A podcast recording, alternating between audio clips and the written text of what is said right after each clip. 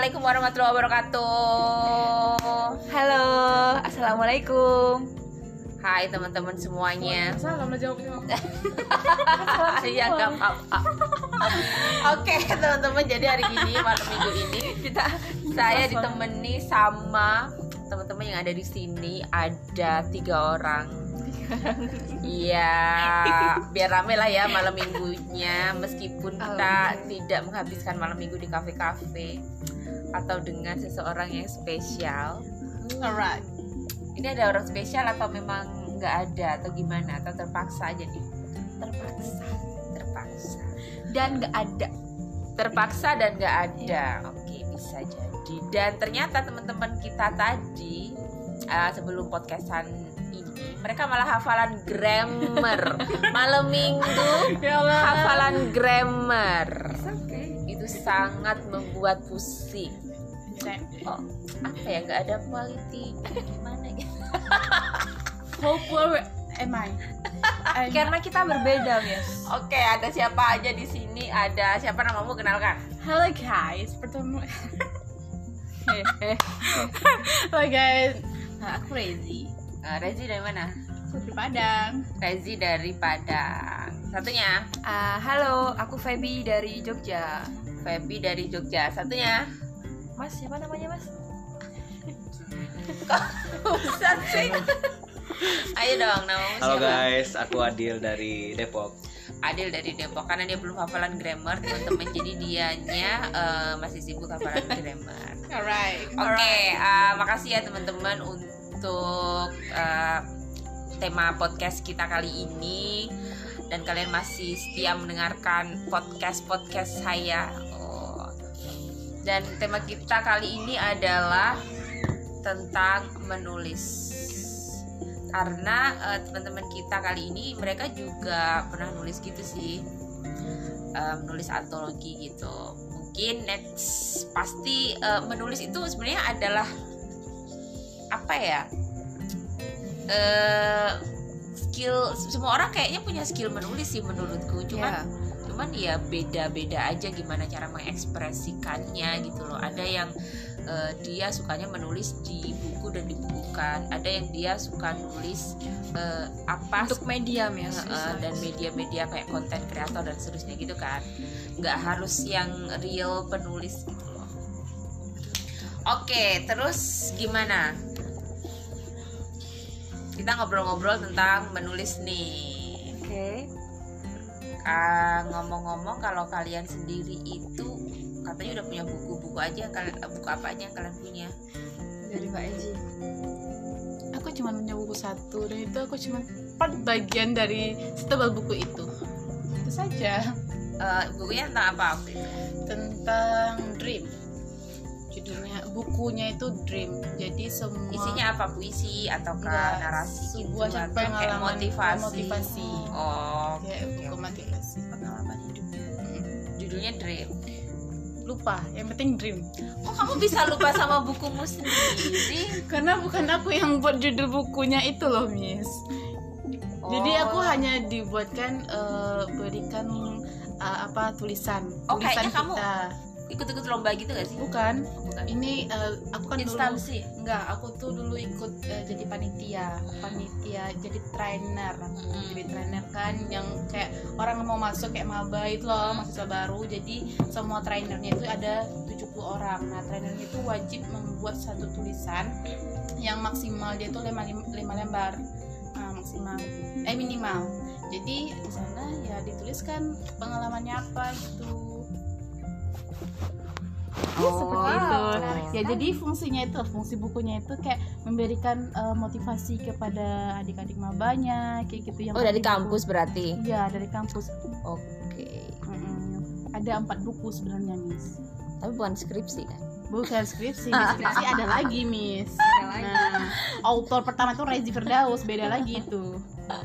Iyalah terus kalau Feby kamu pernah punya buku nggak Eh, kalau saya ini sih, Miss. Antologi kayak cerpen gitu. Mm-mm. Miss. Itu dari tahun berapa ya? 2017 2017 kalau nggak salah waktu Hmm. SMA mis dulu itu pertama kali uh, punya antologi itu ikut dari dinas apa ya balai bahasa mis balai bahasa di Jogja nah, itu jadi dulu itu ada kayak kompetisi lomba menulis cerpen remaja apa ya. Terus buku eh salah satu cerpen saya itu masuk di antologi itu. Eh, kayak kalau nggak salah itu yang berapa yang terbaik gitu. Terus waktu kuliah ini lagi eh, apa ada antologi lagi gitu mis cuman bedanya tuh kalau kuliah tuh kayak tugas dari dosen gitu kan. Jadi se- dari semua satu angkatan itu kita nulis ada yang nulis cerpen remaja terus ada juga yang genre puisi itu dibukuin per satu-satu gitu. Mis gitu kalau aku udah eh, pernah juga sih ikut antologi kayak gitu ya Eh, cuman kayak lomba-lomba gitu loh lomba nulis Hmm, puisi kan aku iya. lebih ke ikutnya ke lebih ke puisi aja lah ya kan gampang aku punya stok puisi banyak kan Oh, dari iya. suka kayak lebay-lebay berarti kalau Nah. mis patah hati ini ya langsung ditulis di puisi eh, kebanyakan memang puisiku pas waktu patah hati aku tulisnya. Tapi ada juga pas Hmm. waktu aku lagi jatuh hati aku tulis juga puisi. Ada juga beberapa yang kayak gitu. Penulis paling disukai siapa penulis paling aku sukai itu yang bisa membuatku masuk ke dalam tulisan-tulisannya ya itu Pramudia Anantatur. tapi bukan puisi sa muda Oh puisi, yang puisi oh yang puisi. iya Eh, aku Sapardi? nggak begitu nggak begitu ini banget sih kalau puisi ya.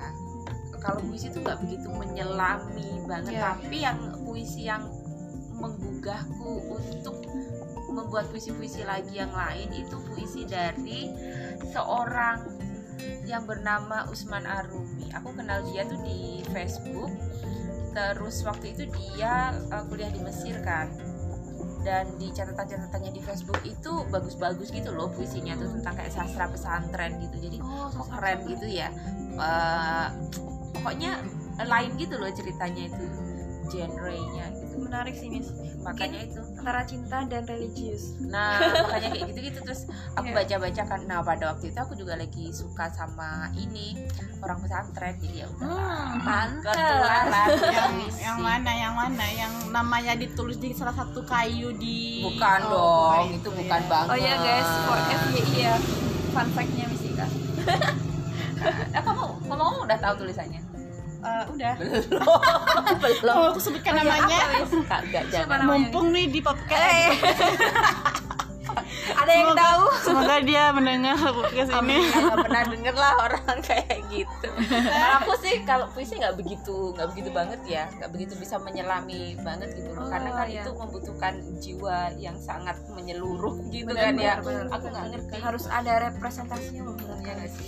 Kalau aku suka banget itu ya novel. Kalau novel-novel ya novelnya siapa namanya Pramudia Anantatur yang manusia yang uh, tetralogi itu empat Iya. aku baca semua dan karena baca tetralogi itu aku jadi kayak bener-bener masuk ke dalam novel itu terus kayak merasakan aku hidup di masa lalu di pada zaman itu zaman iya. Belanda itu loh.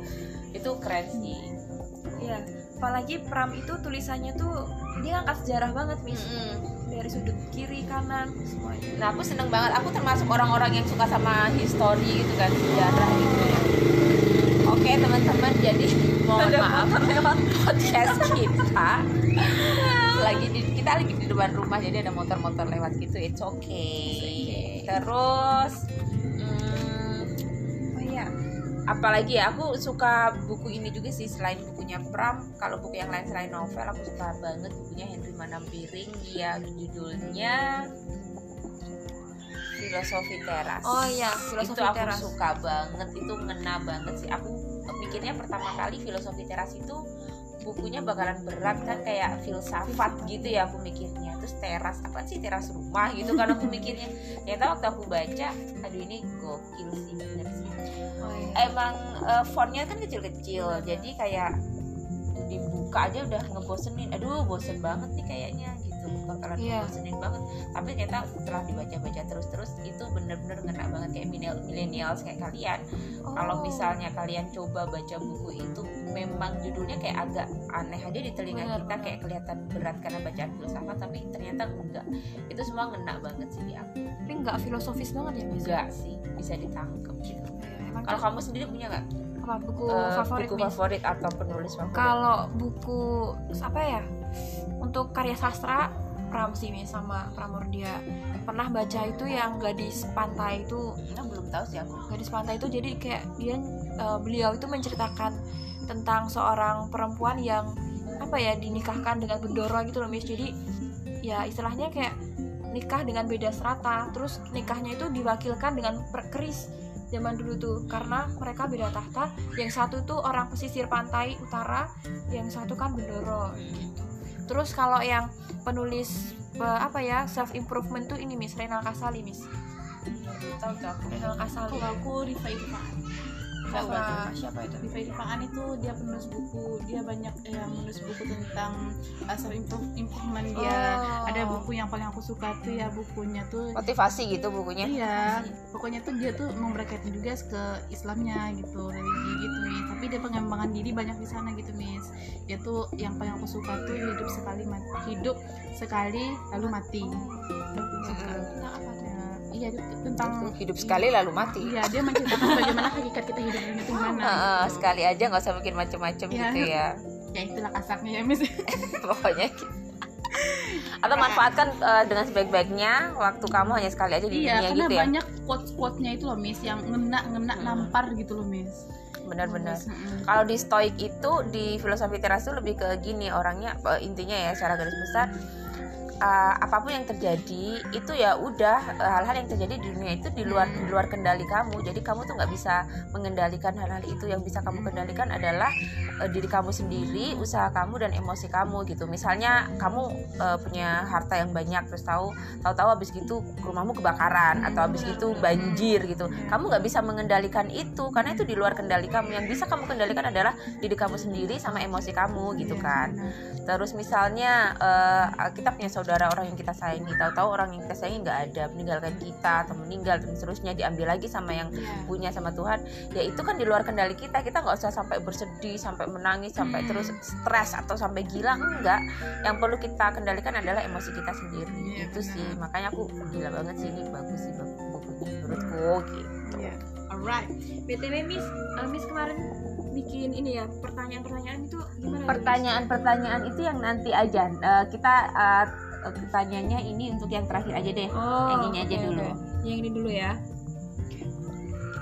terus Miss kalau biar lancar nulis tuh kayak mana ya Miss ya lancar nulis itu kalau kalau menurutku pribadi kalau mau lancar menulis ya sering-sering nulis aja sih. Kayak biasanya anak-anak tuh sering sering gini loh nanyanya gimana sih caranya bisa bisa bahasa Inggris? Gitu. Gimana Iya. caranya bisa lancar bahasa Inggris? Ya lu harus belajar gitu lah. Lu sering-sering praktis. Nggak ada lagi jawaban yang memang benar-benar pas. Selain kamu harus belajar ya kamu harus praktis. Gimana sih kita bisa masak yang benar? Ya kamu masak aja. Gimana sih kita bisa dandan yang benar? Ya lu dandan aja gitu gimana bisa nulis yang benar dengan baik ya ya nulis aja sering-sering nulis. Meskipun tulisan masih jelek nggak apa-apa pokoknya nulis aja terus.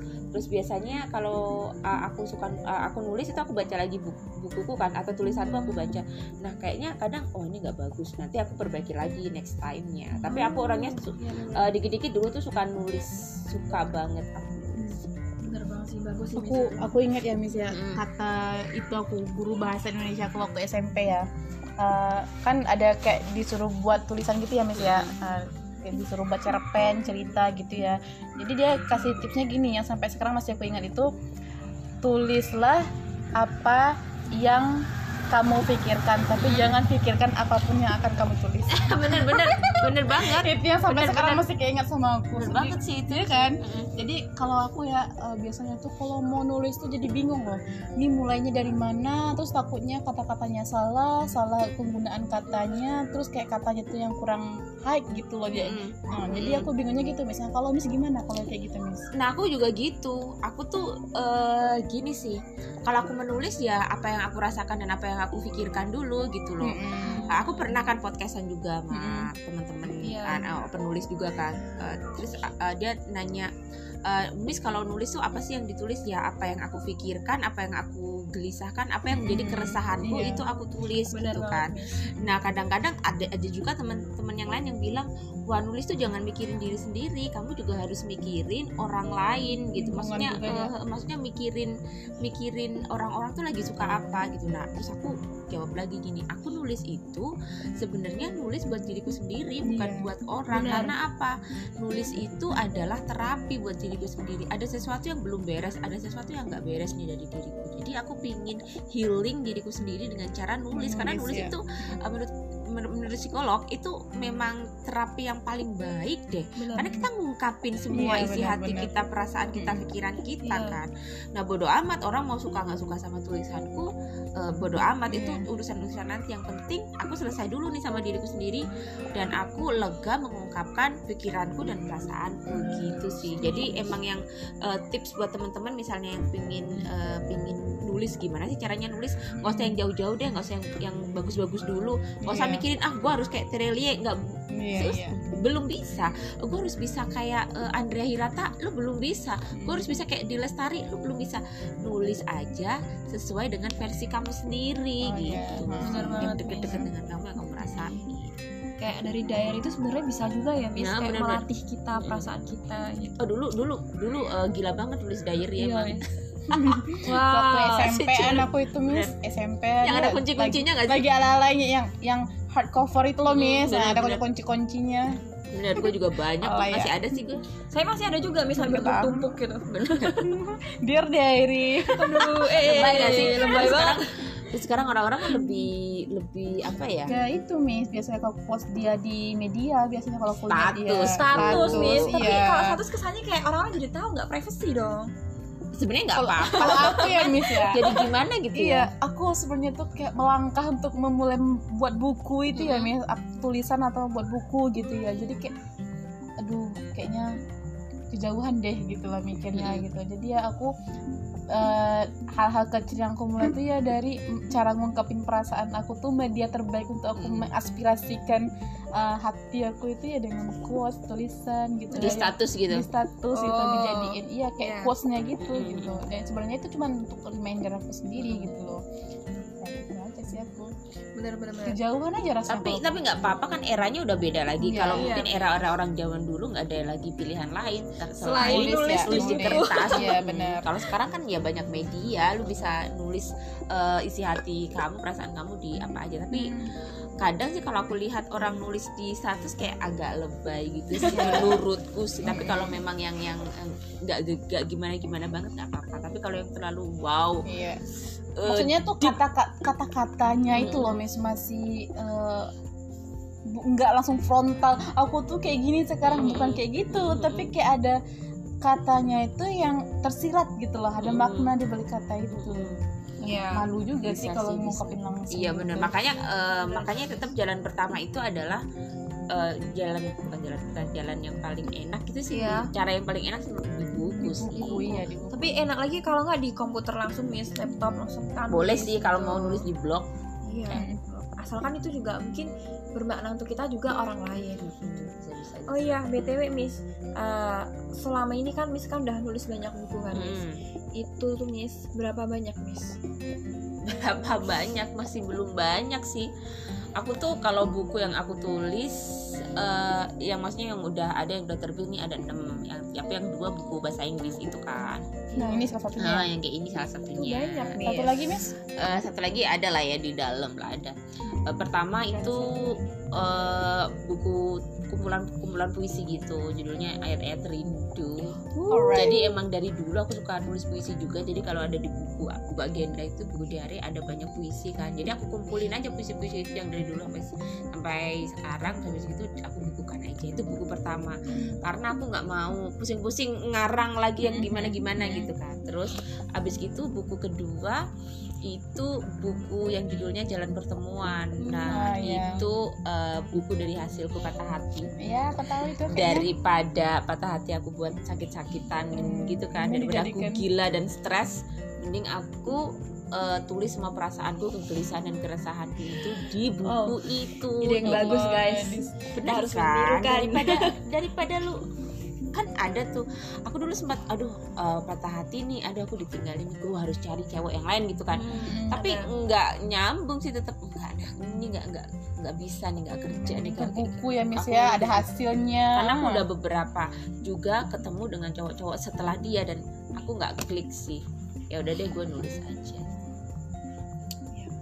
Oke Miss, terus Miss. terus oh ya buku yang ketiga Hmm, eh iya. buku yang kedua eh buku yang ketiga ya Tiga. Ya, buku yang biar ya. ketiga I don't care nah buku yang I don't care itu isinya tentang eh, apa ya opini-opini ku tentang menikah gitu sih waktu itu aku udah mas bukan ada masalah lah, agak berantem kecil sama ibu kan Hmm. terus ibu dulu tuh nggak pernah ngomel-ngomel gitu nggak pernah bukan ngomel sih Kapan nikah gitu ya? eh, nggak nggak pernah gitu-gitu Terus sekarang gitu, Miss. sekarang kan yang kayak gini gitu terus adik-adik juga aduh terus aku pusing akhirnya ya udah deh nulis aja Terpressure gitu ya Miss ya. Mm-mm. terus aku udah pokoknya kalau aku ada kegelisahan keresahan aku tulisin dan jadilah buku I don't care terus yang Oh, sih, keempat itu buku eh, judulnya sebuah kontemplasi kenapa sebuah kontemplasi kontemplasi itu kayak kontemplasi kayak yoga Iya, kayak penenangan diri Hmm. terus tapi dengan introspeksi diri dan memikirkan hal-hal tentang diri kita sendiri gitu loh Benar. itu, itu aku tulis waktu pandemi kan karena eh, Oh, berarti baru-baru ini ya? baru banget baru kemarin pandemi itu dan itu aku nulisnya cuma satu setengah bulan aja dengan ha- eh, halaman yang paling tebel malahan dari semua Oh, buku iya. 360-an 360 berapa ya gue lupa Eh, segitu bukunya Apakah efek corona Miss di rumah aja? Eh, gini gue gini dari pertama kali corona kan corona pertama kali gue cuman makan tidur, mainan handphone makan Gitu tidur terus ya, handphone. Bener Iya. nggak kerja nggak apa kan biasanya ngajar apa gimana. Waktu itu kan masih mencekam kan pertama kali bener, uh, bener, bener-bener yang kayak oh, gue mau Shock, mati nih pasti nanti itu ada orang ke- ada coronanya ada virusnya dan seterusnya kan Hmm, takut. iya, akhirnya kan iya, di, di kamar aja dan Panic terus aku gini wah gue kayak kayak binatang kalau kayak gini caranya. Makan tidur makan tidur Bo, ini badan semakin meledak. Iya. meskipun aku makannya dikit-dikit karena emang gak ada yang dimakan gak ada duit kan? Ya udah terus habis gitu wah gue harus me- melakukan sesuatu yang eh, inilah yang bermanfaat. Sembari ini corona jadi nggak diem-diem aja. Akhirnya ya udahlah. Salah satu-satunya yang bisa gue lakukan dengan berdiam diri adalah nulis. Karena emang dari dulu suka nulis ya udah nulis aja. Jadilah sebuah buku kontemplasi itu. Sebenarnya dulu eh, judulnya nggak pingin kontemplasi tapi dear me. Dear me Dear itu eh, kayak eh, intinya kayak surat-surat yang ditujukan pada diriku sendiri gitu tapi ya akhirnya aku gantilah sebuah kontemplasi kayaknya bagus. Tuh terus akhirnya habis Keren, itu eh, dua buku terakhir buku, buku bahasa Inggris. Udah Apa tuh judulnya?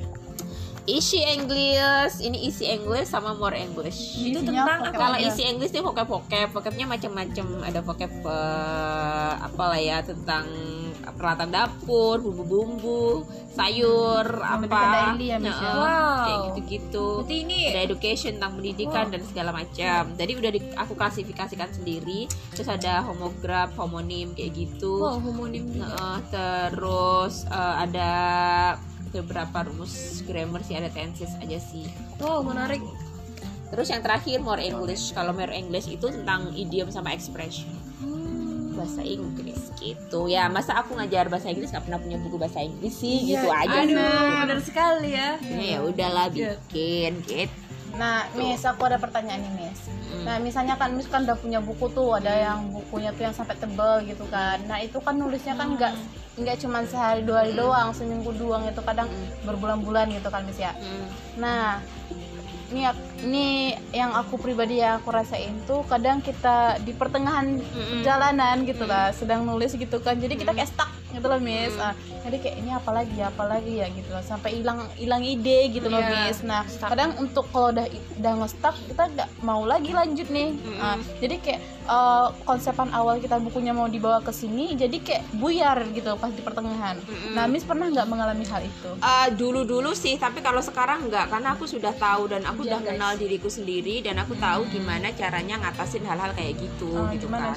Kalau misalnya eh, stuck gitu kan, ya udah aku biarin aja. Emang kita kan diri kita sebagai manusia kan nggak bisa dipaksain buat kita harus nih harus dapat lagi inspirasi harus Hmm, dapat lagi eh, buat nggak bisa. Kita istirahat dulu kita mau makan makan mau mandi mandi mau refreshing. Ya refreshing aja nggak usah dipaksain gitu.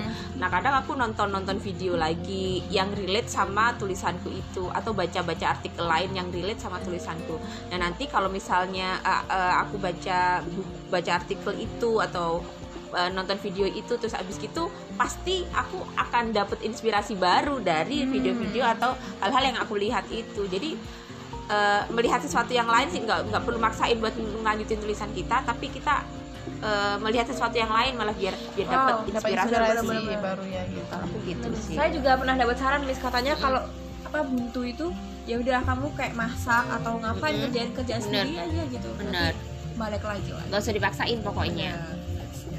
Terus nih Miss ada lagi Miss. Eh, selama ini achievement apa sih yang udah pernah Miss dapat? Achievement prestasi nggak banyak banyak banget ya karena memang aku jarang ikut lomba sih. Karena oh ya eh, dulu pernah sih pertama-pertama mau nulis itu aku ikut lomba kan lomba yaitu apa nulis puisi gitu kayak antologi puisi dan seterusnya. Tap, eh, terus yang ada di IG ku itu ada sertifikat sertifikat untuk apa sertifikat penulis terpilih kan. Tapi menurutku Oh.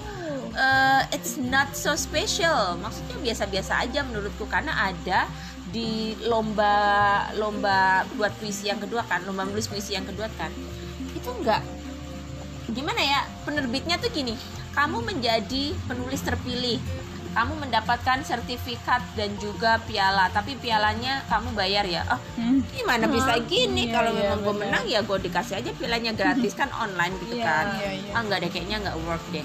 Jadi gue kalau mau nulis nulis aja. Nggak usah ikut lomba-lomba lagi lah. Lomba itu hanya kayak promonya penerbit itu loh Iya, gitu. benar-benar. jadi sekali dua kali gue dapet achievement itu eh, penulis terpilih eh, yang temanya nulis puisi aja sih dua kali itu tapi udah bagus lah ya Miss pernah ikut lomba kayak gitu gitu Iya, tapi aku nggak nggak proud sih. yang proud malah aku yang bisa nerbitin buku itu aku malah Iya. proud. Terus ya Miss, Miss ada punya impian terbesar Miss lah dalam hal tulis menulis ini Miss. Apa impian terbesar Miss yang ingin Miss capai atau Hmm, goals bisa, Miss iya masa benar. depannya apa? Atau mau buat buku sebanyak apa, perpustakaan mini apa gitu?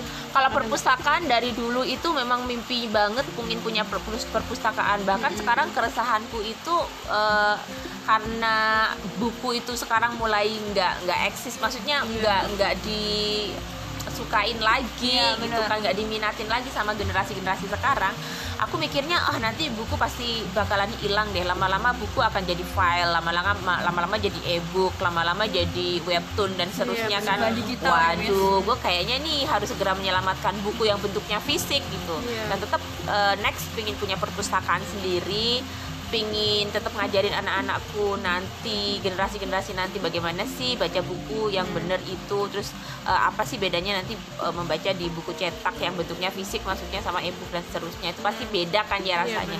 terus eh, goal sendiri buat tu- tulisanku atau buku-bukuku ya pingin bukuku tuh bisa diterima sama orang banyak gitu sama masyarakat banyak apalagi kalangan millennials gitu anak-anak muda supaya nanti ya pesan-pesanku itu nyampe gitu loh karena eh, aku tuh sebenarnya orangnya tuh apa ya caper tau gak sih caper Iya, Iya, iya, tahu, iya. tahu. aku tuh orangnya caper setiap orang kayaknya caper kan dia Ada punya sisi capernya, pasti pasti, pasti, pasti, pingin iya. diperhatikan tapi gini kalau kalau aku capernya tuh jangan caper-caper yang Negatif. lebay Oh, gitu iya, jangan benar. caper-caper yang gimana gitu nggak nggak ada eh, kualitasnya gitu.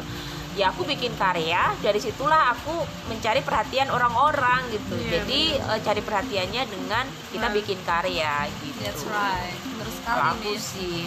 Dan menurutku eh, menulis itu adalah apa ya pekerjaan ada ada ya quotes ya kayaknya itu dari quotesnya ini sih. Pram ya Pram? Atau Pram? siapa sih? Yang gimana, menulis itu adalah eh, pekerjaan keabadian maksudnya eh, meskipun Oh, nanti iya. kamu udah meninggal kamu udah mati kalau kamu punya buku karena kamu kan Benar. menulis kamu punya buku Iya, tulisan kita eh, abadi tulisan kamu abadi Iya. maksudnya bukan hanya tulisan tapi pemikiran-pemikiran kamu itu akan terus ada meskipun fisik kamu udah nggak ada kamu udah mati kamu udah Benar, dikubur Iya, tapi benar. kan pemikiran kamu akan tetap hidup kalau eh, buku kamu ada dan dibaca sama orang-orang di sana terus habis gitu apalagi diterapkan sama benar banget. atau dipakai sama orang-orang yang baca buku itu. Gitu. ya kayak tulisan tulisannya Pram pun sampai sekarang masih ada loh Miss. Bener. masih dijual di apa jual belikan berarti kan itu royaltinya masih ke keluarganya Miss itu bagus lah Itu- Iya. dan dan buku itu eh, gimana ya? Aku kalau baca buku-buku lagi tuh gini iya. kan kadang kita tuh lupa ada momen tertentu gitu Hmm, kan. iya benar dan kalau kita nggak nyimpen dalam bentuk file foto atau video kan kita jadi lupa kita pernah melakukan itu gitu nah dengan dengan menulis itu aku jadi ingat oh aku pernah ngerasain ini ya oh aku pernah merasakan berpikir kayak gini ya oh Iya. aku pernah mengalami momen yang kayak gini kayak gitu-gitu sih jadi kayak Hmm. keinget-inget lagi gitu Benar-benar. aja sebagai memorize banget Hmm. terus ya gitu deh terus Miss eh, tadi Miss sudah ditanyain tentang eh, penulis favorit Mm-mm. terus impian nah Mbak Eji ada lagi nggak pertanyaan nih untuk Miss Iya. Kayaknya udah banyak sekali nih ya kita tanyakan Oh ya ya. kemarin kan aku eh, ini nanyain anak-anak yang ada di eh, WhatsApp sama di Instagram. Iya. Aku mau podcastan nih tentang menulis gitu kan. Hmm. Kalian ada pertanyaan apa? Menitip-menitip pertanyaan apa? Kita baca kayak pertanyaan dari Oh, teman-teman iya. aja ya. Oke yang itu tadi ya Oke. Miss ini Miss dari yang pertama Miss Oke. ini Miss Dari dia sendiri. Dari dia sendiri. Oh iya BTW aku kemarin juga ini Heeh. yang nge-reply guys Mm. Yang pertama tuh ini ah menulis yang out of the box tuh gimana Miss? Out of the box sendiri kan artinya kalau arti harfiah ya di dalam kar di dalam bo- di luar, Di luar, sorry Miss, di luar. luar kotak. Kotak. Nah artinya itu sebenarnya eh, kamu harus bisa menulis ber- dengan beda gitu loh dengan apa ya ciri khasnya yang beda dari penulis-penulis yang lain gitu yang kreatif dan inovatif gitu ya eh, apa ya menulis dengan alur-alur yang yang berbeda yang oh itu jadi gini kalau orang baca itu oh ini Feby gitu oh Iya. ini Rezi oh ini Ika ini tulisannya Feby itu kayak gini udah ngerti aja gitu oh karena punya gaya penulisan Iya, sendiri. Ada gitu Ha, sendiri yang ya, kreatif ya. tapi juga yang Iya. bagus gitu itu sih menurutku ya out of the box Oh. tuh kayak gitu out of the box Mantap, mantap sekali. Next, next, next Oke, question. next ya Miss. Nextnya itu adalah pertanyaan dari pertanyaan dari Ferdi underscore Raihan. Apakah setiap orang pu- punya gaya tulisannya masing-masing, Miss? Nah, atau meniru gaya tulisan seseorang itu lebih baik atau jangan-jangan gaya tulisan kita terbentuk karena banyak meniru tulisan orang lain. Nah, gimana, Miss? Nah, aku juga ada sekilas pertanyaan seperti ini juga sebenarnya takut Iya, takut iya, kayak copyright gitu takut kan padahal kita karena sering baca aja gitu loh. Iya, Em, bisa mempengaruhi. Eh, menurutku ya aku pernah baca buku gini. Kayak diri kamu itu sebenarnya nggak murni dari diri kamu. Dirimu itu nggak murni dari dirimu Prin- kamu punya prinsip, kamu punya jati diri, Hmm. ya itu itu sebenarnya nggak murni dari diri kamu, tapi hal-hal itu terbentuk dari pengalaman-pengalaman yang kamu dapat. Iya. Misalnya kamu pernah sekolah, terus kamu eh, ketemu dengan guru, guru yang luar biasa, selalu ngasih motivasi, nasihat, kamu ambil itu, kamu terapkan, terus kemudian ketemu teman yang menginspirasi, terus kemudian kamu eh, dia cerita, kamu tahu kehidupannya, kamu mengambil hikmah dari pelajaran hidupnya, terus kamu terapkan dan seterusnya dan seterusnya. Kemudian jadilah diri kamu, terus eh, kamu membentuk diri kamu sendiri dengan pengalaman-pengalaman atau pelajaran-pelajaran yang kamu udah kamu dapatkan dalam hidup. Jadilah diri kamu gitu. Nah, kalau menurutku nulis juga seperti itu. Kamu akan eh, membaca dulu eh, penulis A tulisannya kayak apa, penulis B eh, gaya kepenulisannya kayak apa, tulis penulis C gaya kepenulisannya kayak apa gitu. Iya. Nah kalau udah gitu, kamu akan ngerasain Menemukan sendiri gitu ya, mana yang cocok, mana yang kamu Bener, suka, dan secara nggak sengaja pasti kamu akan oh, kayaknya yang ini deh aku suka. Nah Iya. akhirnya setelah itu kamu terapkan pada diri kamu, kamu nulis nulis nulis nulis nulis dan jadilah eh, gaya kamu sendiri Oh, gitu benar, loh. ya. Kayak aku ngajar bahasa Inggris aja juga gitu. Aku aku tuh suka ngiblat ke orang dulu. Hmm. Aku favoritku guru ini. jadi aku tuh suka jiplak gitu loh jiplak langsung gaya ya, ya? Heeh, jiplak gaya ngajarnya gitu ngajarnya gimana? terus aku ketemu lagi guru yang ada kan guru yang keren eh, tentang hal A-nya gitu terus Hmm. guru lagi yang keren tentang hal B-nya nah aku jadiin satu nih A B C ketemu beberapa guru A B C akhirnya jadi satu Jadilah jadilah diriku gitu Wow. kayaknya gitu sih Sa- disamain juga ya Miss ya ke penulis ini ya Miss ya. Kayak jam Bener, terbang bener. aja sih kalau udah kita banyak jam, jam terbang akhirnya jadilah versi diri kita sendiri tapi dari pengalaman-pengalaman itu tadi ya gitu Oke. Gitu, baik, ada baik. lagi nih Miss oke Mbak Esi mungkin yang yang bacain Beli Nah, mananya? Dari siapa? Nah, dari Belia Anggun. Nah, pertanyaannya ya, Miss ya, mulai suka menulis sejak kapan dan siapa yang jadi inspirasi pertamanya? Ini hujannya deres ya teman-teman. Kayaknya kita masuk atau gimana? Masuk aja Miss ya. oke yuk. Kita masuk dulu teman malam minggu hujan tapi kita it's okay aja ya. Oke. Jadi Oke. apa itu tadi pertanyaan gue mau? Nah, inspirasi pertamanya terus mulai nulisnya sejak kapan, Miss? inspirasi pertama aku nulis oke. Jadi ceritanya kenapa aku suka nulis? Karena waktu kecil aku dulu tuh eh, kalau mau tidur tuh suka diceritain sama bapakku sama ibuku. Jadi kayak didongengin gitu loh. Iya. kayak dongeng bahasa Jawa sih karena bapak ibu kan pure Dari orang Jawa, Jawa, jadi benar. ada cerita kayak tujuh bidadari eh, turun ke bumi gitu-gitu kan pakai bahasa Jawa. Setiap malam pokoknya kalau aku nggak didongengin nggak diceritain tuh aku nggak bisa tidur Oh. nah waktu umur 4 tahunan bapak sama ibuku pisah gitu kan. Mm-mm. bapak sama ibuku cerai. Terus habis gitu aku tinggallah sama nenek sama kakek. Nah waktu itu aku nggak bisa tidur karena iya nggak ada nggak ada yang nyeritain nggak ada yang penggantinya orang tua aku. nah bingung tuh ya allah gimana gitu kan. Terus eh, waktu itu ibuku ibu kan langsung menikah lagi tuh. Tap, eh, ibuku sering-sering masih ya kadang jenguk aku gitu kan di tempatnya nenekku gitu. Terus suka ngasih buku gitu. Nah waktu aku dikasih buku sama ibu jadinya eh, buku-buku aku menemukan cerita-cerita di buku itu jadinya buku itu pengganti dari cerita orang tuaku yang aku nggak bisa dapetan dapatkan lagi setiap malamnya gitu. Akhirnya aku baca buku baca buku baca buku terus. Nah kalau ibu udah nggak kasih lagi itu buku-buku bekas yang ibu kasih itu. Aku beli buku sendiri. Even itu buku bekas aku tetap beli gitu. Eh, kalau aku dapat duit misalnya kadang aku sisihkan uangku aku tabung buat beli buku. Pokoknya nggak makan nggak masalah lah. Aku nggak nggak beli jajan yang penting aku beli buku gitu. pokoknya Oh. kalau udah baca tuh nah terus kalau udah baca itu timbullah banyak hal-hal di kepalaku banyak ide-ide gitu di kepalaku habis itu kalau ide itu nggak ditumpahkan nggak diekspresikan tuh suka susah Iya, suka iya, bingung Miss. akhirnya aku eh, ekspresikan atau aku tulis aja di buku diare gitu kadang kalau kita ada ide terus hati kita nggak tenang tuh bikin gelisah Bener. Nah pokoknya gini, kalau aku sekarang kan gini, eh, abis abis baca buku tuh, iya terus kan, oh aku pasti ingin beropini kan, Oh, iya, terus iya. menemukan ide juga dari situ. Nah biasanya aku akan eh, manggil teman-temanku yang aku frekuensi ya, yang nyambung gitu, yang ngobrolnya, eh gimana sih aku baru baca buku ini loh, tapi eh, dia begini-begini, terus kita bahas, kita diskusi gitu. Nah dari kecil kan aku kayak gitu. Tapi waktu kecil kan nggak bisa diekspresikan dengan ngobrol. Akhirnya aku hanya bisa mengekspresikannya dengan menulis.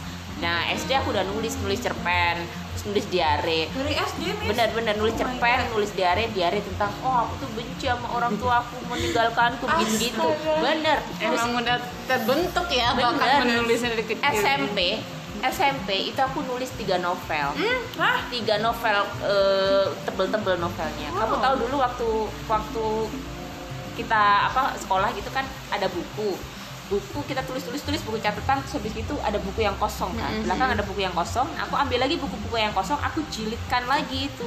Kan jadi bukunya tebel-tebel. Itu aku bikin novel nulis manual. Tentang tiga apa, buku. Tentang cerita-cerita remaja dulu masih SMP ya yang nggak jelas. suka-sukaan. ya gitulah ya. Di Gitu. kertas ya. jadi eh, inspirasi nulisnya dari nggak ada inspirasi ya terbentuk begitu aja ketika aku suka membaca dan aku ingin mengekspresikan perasaanku gitu Oke, ada lagi nih Miss pertanyaannya nih Miss. apa tuh Dari mungkin Mbak Eji lagi yang Ila ya. Oke. Nah, ini dari Ila nih. Kapan saat yang tepat untuk menulis? Aku kalau lagi patah hati, ide-ide muncul banyak sekali dan juga aku jadi semangat menulis. Tapi ketika aku jatuh cinta, nah banyak hal yang ingin aku tulis tapi aku malas buat nulis malahan. Padahal banyak hal indah yang aku kenang. Terus kalau kayak gitu gimana kak? Gitu loh. Nah, gimana itu Miss? Jatuh cinta Di masalah ini kayaknya le- lebih expert di bidangnya nih antara Iya. jatuh cinta dan Dijawab uh, oleh patah hati. Nah, nah Eh, ahlinya langsung menjawab.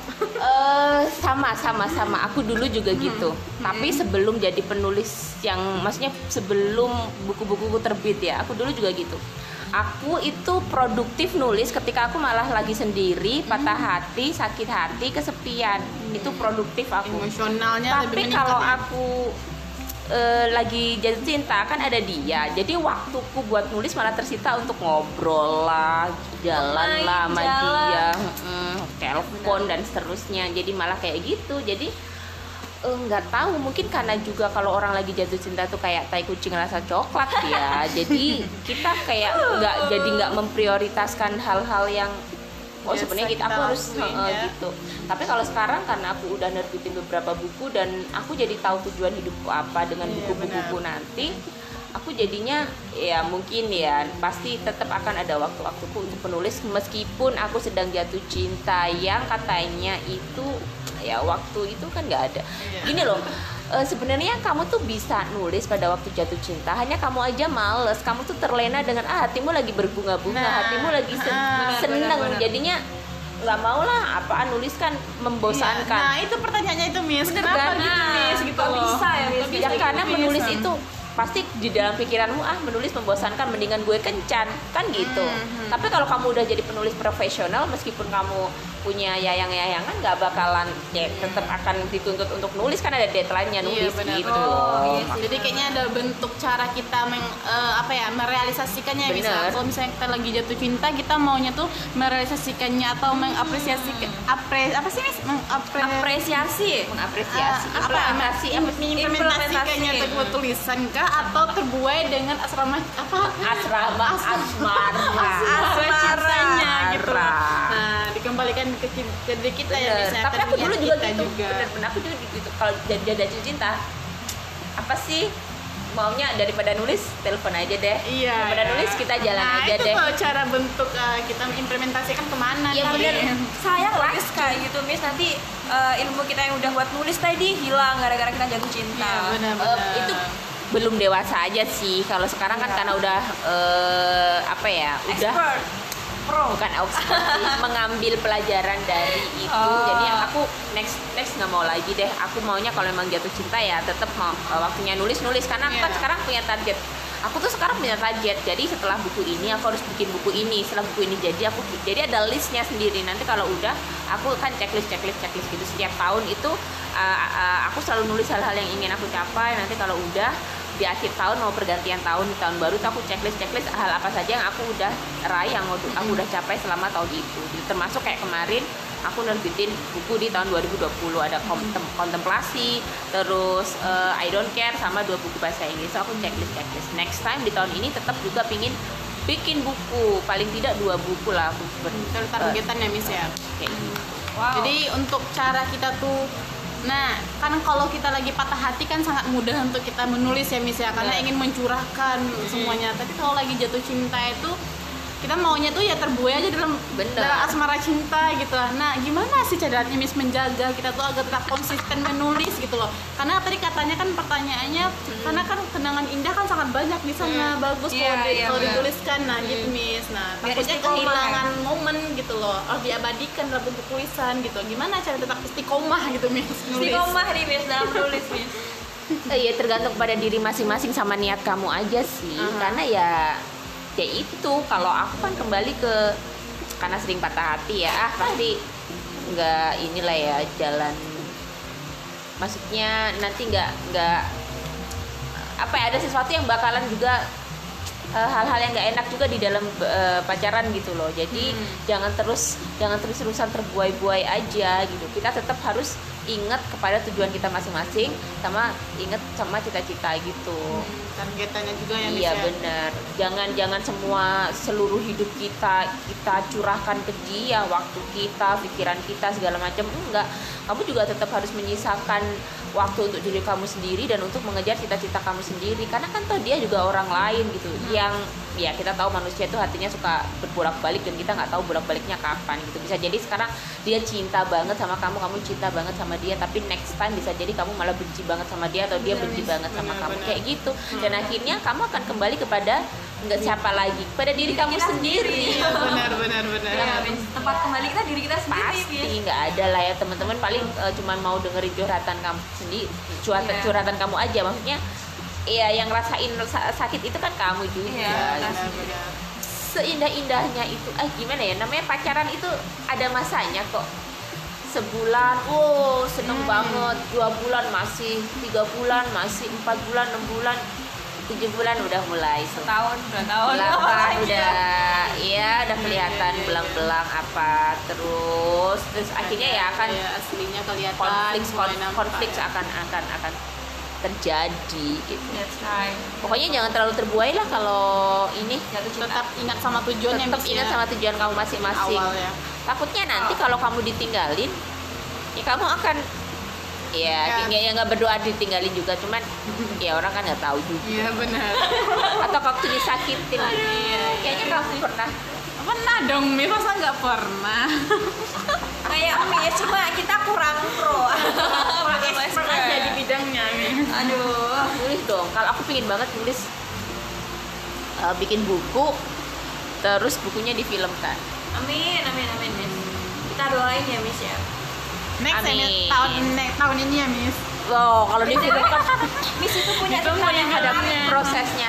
Miss itu punya cerita yang menarik Eh, kisahnya itu yang di Pare itu bisa difilmkan guys. Iya harusnya Wow. Miss. Menarik Eh. itu Miss. BTW ini hujan deras banget jadi nanti nggak usah dikasih background musik. Backgroundnya hujan malam minggu teman-teman. Ya, udah ada backsoundnya hujan alami bener banget. Terus apa lagi nih? Apa lagi nih? Nah, itu udah pertanyaan terakhir itu udah Miss. terakhir sih Miss. Dari teman-teman ya udah Iya. terakhir. Eh, aku cuma mau nambahin eh, ngasih tips saja buat teman-teman Ah, sih nah, supaya ini, ini penting teman-teman itu eh, jangan ini deh jangan lupakan membaca gitu. Karena dalam Islam sendiri kan juga diperintahkan apa ya ikro baca gitu.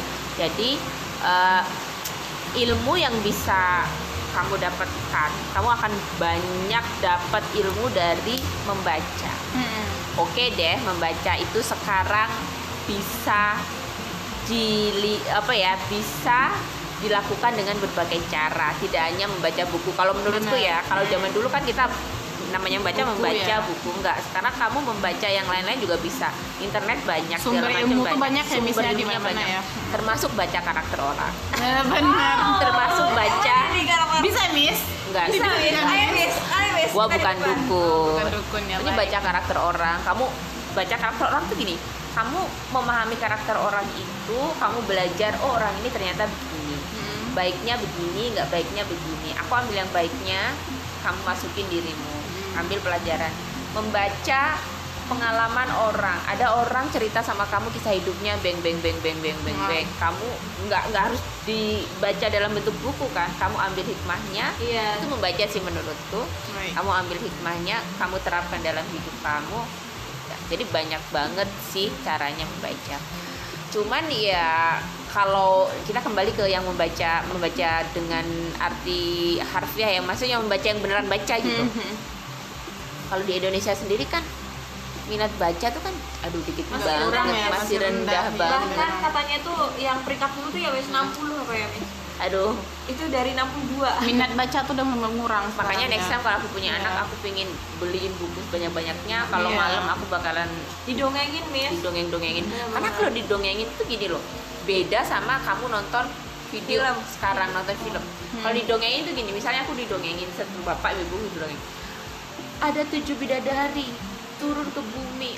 Aku bayangin tujuh bidadari ini wajahnya gimana pakaiannya apa mukanya gimana Iya, iya, aja latar belakang eh, apa sungainya yang mereka eh, apa mandi itu kayak apa tuh ada di otak Iya, di otak iya. kerja kan imajinasinya Melatih imajinasi ya. dari imajinasi ya, Min. main kan. Main, ya. Tapi kalau udah YouTube sekarang udah video aja langsung tujuh bidadari turun. Oh tujuh tujuh bidadarinya udah kayak gitu, Iya. bajunya udah kayak gitu. Ini jadi nggak main otak kita pola pola pikirnya juga pelan pelan Justru ya kalau Miss kita ya ngasih anak kecil cerita gitu literasi juga Miss buat anak kecil Miss. Benar.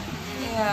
Tapi it's okay sih kalau nanti akhirnya mereka juga tetap nggak kita nggak bisa menolak zaman zaman nanti. Iya, iya, kalau benar, anak-anak tetap pasti Iya akan sih, mau nonton ya. Pasti. YouTube, mau main internet. karena sekarang aja ya udah kita lihatnya ya, yang lingkungan aku aja ya Miss ya anak-anak kecil itu hobinya itu udah HP miring udahan YouTube buka YouTube Benar. gitu. Kan kurang dikenalkan dengan yang namanya buku bentukan yang buku baca-bacaan dongeng segala macam cerita-cerita nabi yang seperti dulu itu Miss dulu kan aku juga sering dibacain kayak gitu Miss nah sekarang itu yang aku lihat tuh ya HP HP HP itu yang dipegang sama anak kecil sekarang aku lihat ya. Umur 3 tahun udah mulai kayak gitu Aduh, tahu itu gitu. tergantung gini gini gini gini. Sebenarnya nggak salah HP-nya kalau Iya. menurutku. Iya.